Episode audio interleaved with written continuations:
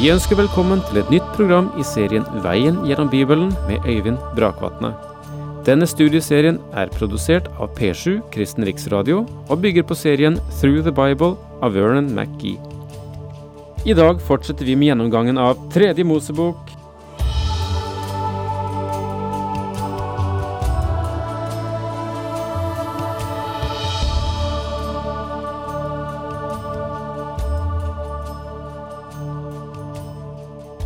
Vi er alle klar over, enten vi vil eller ikke, nesten, at synden har både en utside og en innside. Det vil si at eh, det er noe som trer frem som andre mennesker kan se og oppfange, og så finnes det en innside, det som er selve drivkreftene, det som foregår i vårt eget sinn. Uh, slik behandler også Det gamle testamentet Eh, spørsmål om urenhet. Og vi er i eh, tredje Mosebok. Og vi har sett eh, spedalskhet stå som et symbol på synd, slik som den fremtrer ytre sett. Men nå har vi begitt oss innenfor Vesten, i menneskets indre. Og da møter vi et annet symbol, nemlig det som har med utflod å gjøre både for menn og kvinner. Og Slik må vi også se dette sammenhenget eh, når vi har med utflod å gjøre. Vi, der er eh, visse hygieniske aspekter, visse moralske aspekter, og det også har dette aspektet som har med eh, et, en indre syndforståelse å gjøre. Og altså, vi er i tredje Mosebok, kapittel 15. Vi kommer tilbake igjen til sitatene senere, men vi skal i dag begynne på eh, vers 13. Men før det, så la meg si at vi har sikkert alle vært i den situasjonen at vi står overfor mennesker som gav oss følelsen av urenhet. Vi har sittet i samlinger der tonen, språket, de underliggende antydningene gjorde oss mistrøstige. Dette er påvirkning. En troende kan kjenne seg uren etter en slik hendelse, og det er det vi er. Vi trenger å bli renset, trenger å fornye kontakten med det som er hellig og rent. Det er årsaken til at det er så uhyre viktig for oss å bli i Guds ord. Hvordan kan den unge holde sin sti ren ved å holde seg til dine ord, står det i Salme 119 vers 9. Det er et eh, ord som vi av og til gir til konfirmanter, går jeg ut ifra, eller lesebarn, som noen kaller det. Men det gjelder for oss alltid, enten vi er unge eller vi er eldre. Vår sti holdes ren ved å holde seg efter Guds ord. For vi blir forurenset i dette liv. Hør på disse ord av Jesus. Hvis jeg ikke vasker deg, har du ikke del med meg, sier han i Johannes 13 vers 8. Dette betyr at vi ikke kan ha fellesskap med den Herre Jesus om vi ikke renses ved ham. Dere er alt rene på grunn av det ord jeg har talt til dere, slik fortsetter han i Johannes 15 vers 3. Og så ber han i sin ypperste prestelige bønn, som vi finner i Johannes 17.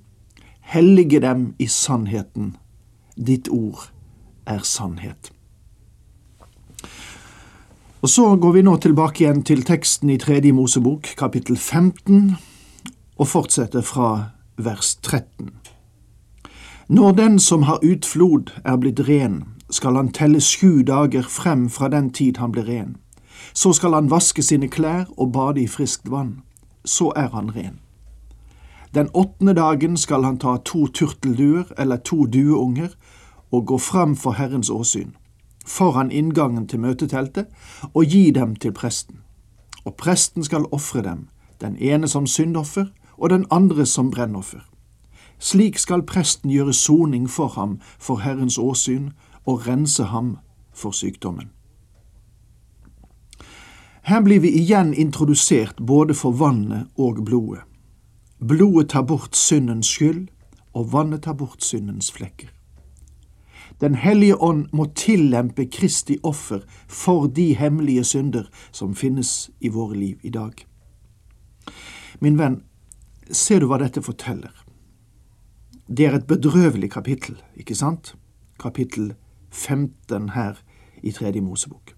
Og likevel må vi bekjenne at det er et bilde av både deg og meg, det som trekkes opp her. Vi trenger å bekjenne og bli renset for våre hemmelige synder. Da bekjente jeg min synd for deg og dekket ikke over min skyld, sier David i Salme 32. Jeg sa, nå vil jeg bekjenne mine synder for Herren, og du tok bort min syndeskyld. Og Johannes stemmer i et vers som vi siterer ofte, men som vi med god grunn kan sitere igjen. Dersom vi bekjenner våre synder, er Han trofast og rettferdig, så Han tilgir oss syndene og renser oss for all urett. 1. Johannes 1,9 Når det går sæd fra en mann, skal han bade hele kroppen, han er uren til kvelden. Hvert klesplagg eller skinnplagg som det kommer sæd på, skal vaskes, det er urent til kvelden. Når en mann har samleie med en kvinne, og det går sæd fra ham, skal begge to bade, de er urene til kvelden. Det er åpenbart at dette henviser til veneriske sykdommer. I dag er slike sykdommer nesten for epidemier å regne. Gud forsøker å beskytte mot disse sosiale sykdommene. Gud er interessert i slektens formering. Gud gav denne gaven til mannen i en god hensikt og til hans inspirasjon, og derfor våker han over at det skal fungere etter sin hensikt. Mennesket står alltid i fare for å fornedre seg selv innenfor det som burde være en av våre edleste erfaringer og opplevelser. Herren lærer oss at vanhellig begjær, vanhellige tanker, må vi styre unna, for de er syndige. Dere har hørt det er sagt, du skal ikke bryte ekteskapet, men jeg sier dere, den som ser på en kvinne med begjær, har allerede drevet hor med henne i sitt hjerte. Ja, så klart trekker Jesus grensen i Matteus 5, vers 27 til 28. Nå kommer vi til neste hovedavsnitt i dette kapitlet, og det dreier seg om utflod hos kvinnen. Og vi leser fra vers 19. Når en kvinne har menstruasjon og det kommer blod fra hennes legeme, er hun uren i sju dager. Den som rører ved henne, er uren til kvelden. Alt det hun ligger eller sitter på mens hun er uren, blir urent. Den som rører ved hennes leie, skal vaske sine klær og bade, han er uren til kvelden, og den som rører ved noe hun har sittet på, skal vaske sine klær og bade, han er uren til kvelden. Ligger det et eller annet på hennes leie eller sete, og noen rører ved det, er han uren til kvelden. Dersom en mann har samleie med henne, og hennes urenhet kommer på ham, er han uren i sju dager, og hvert leie han ligger på, blir urent. Disse versene henviser helt klart til urenhet hos kvinner under normal menstruasjonsperiode. Hun var adskilt fra sine venner og sine kjære under denne perioden. Hun ble behandlet som en utstøtt og en spedalsk. Les for eksempel Fjerde Mosebok kapittel fem vers to. Dette synes å være uvanlig strengt. Den eneste forklaringen jeg har å gi, er at det er et minne om menneskers fall, slik som det er gjengitt i Første Mosebok. Straffen var døden. Mennesket ble minnet om at det hadde en dårlig begynnelse og har ingenting å rose seg av. I tillegg ligger det nok en helsefaktor også her. Når en kvinne har blødning i mange dager uten at det er hennes menstruasjonstid, eller hun har menstruasjon lenger enn vanlig, da er hun uren så lenge blødningen varer, som når hun har menstruasjon. Hvert leie hun ligger på mens blødningen varer, blir urent, som når hun har menstruasjon, og alt hun sitter på blir urent, som når hun har menstruasjon. Den som rører ved det, blir uren, han skal vaske sine klær og bade, han er uren til kvelden. Når hun blir ren etter blødningen, skal hun telle sju dager fram, da er hun ren. Den åttende dagen skal hun ta to turtelduer eller dueunger og bringe dem til presten foran inngangen til møteteltet. Denne delen omhandler unormal utflod. Dette bestemmer reglene for hvordan hun skal atskilles fra de øvrige, og det faktum at hun forurenser den seng der hun ligger, og enhver som berører de ting som hun forurenser. Det gir oss en forklaring på de ofringer hun skal bringe når hun er renset for sin utflod. Dette gir oss en viss innsikt i den tilstand den kvinnen befant seg i, som hadde en blødning og kom til Kristus for å bli helbredet, slik som vi leser om det i Lukasevangeliets åttende kapittel. Loven hadde utelukket henne fra kontakt med andre, og likevel så rørte hun ved Jesus. Loven hadde utelukket henne fra tempelet og fra å kunne tilbe Gud offentlig. Herrens nåde helbredet henne og brøt dermed denne isolasjonen, og han berømmet hennes tro. Jesus er kilden til å kunne rense alle hjertets urenheter. Dere skal befri israelittene for deres urenhet, så de ikke skal gjøre min bolig uren, den som står midt iblant dem, og dø i sin urenhet. Dette er loven om menn som har utflod, og om dem som det går sæd fra, så de blir urene, og om kvinner som har menstruasjon, om folk som skiller ut væske, enten det er menn eller kvinner, og om menn som har samleie med urene kvinner.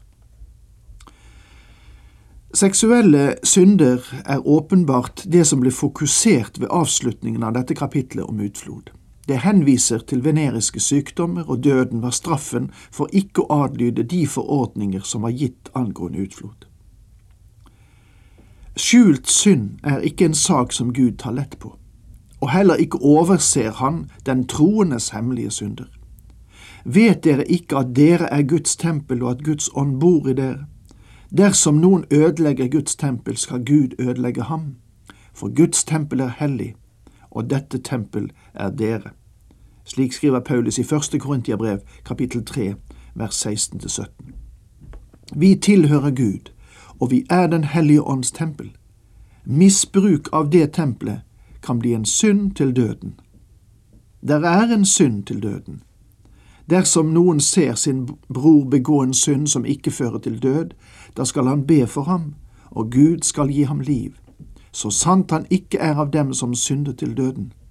Det finnes synd som fører til død, men jeg taler ikke om bønn for dem. Så alvorlig skriver Johannes i sitt første brev, kapittel 5, vers 16. En side ut av dette verset peker på en sannhet vi kanskje ofte overser, men som likevel finnes der. Det er mulig for en troende å begå en synd, så Gud henter ham hjem. Kan vi si hva det er?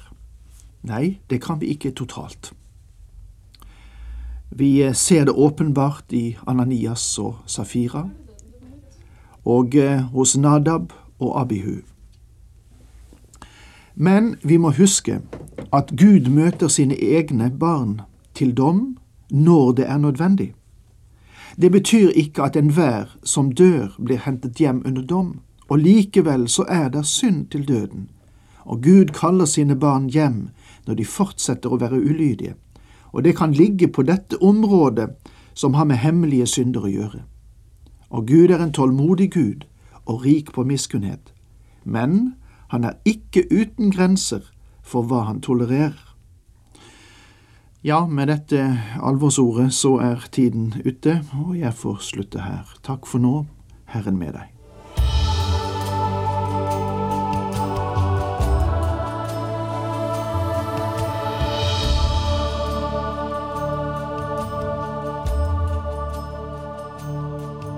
Du hørte Øyvind Brakvatne i studieserien Veien gjennom Bibelen. Serien bygger på et manus av Vern McGee. Har du spørsmål eller kommentarer til programmet, kan du sende en e-post til vgb krøllalfa p7.no. Takk for i dag, og på gjenhør.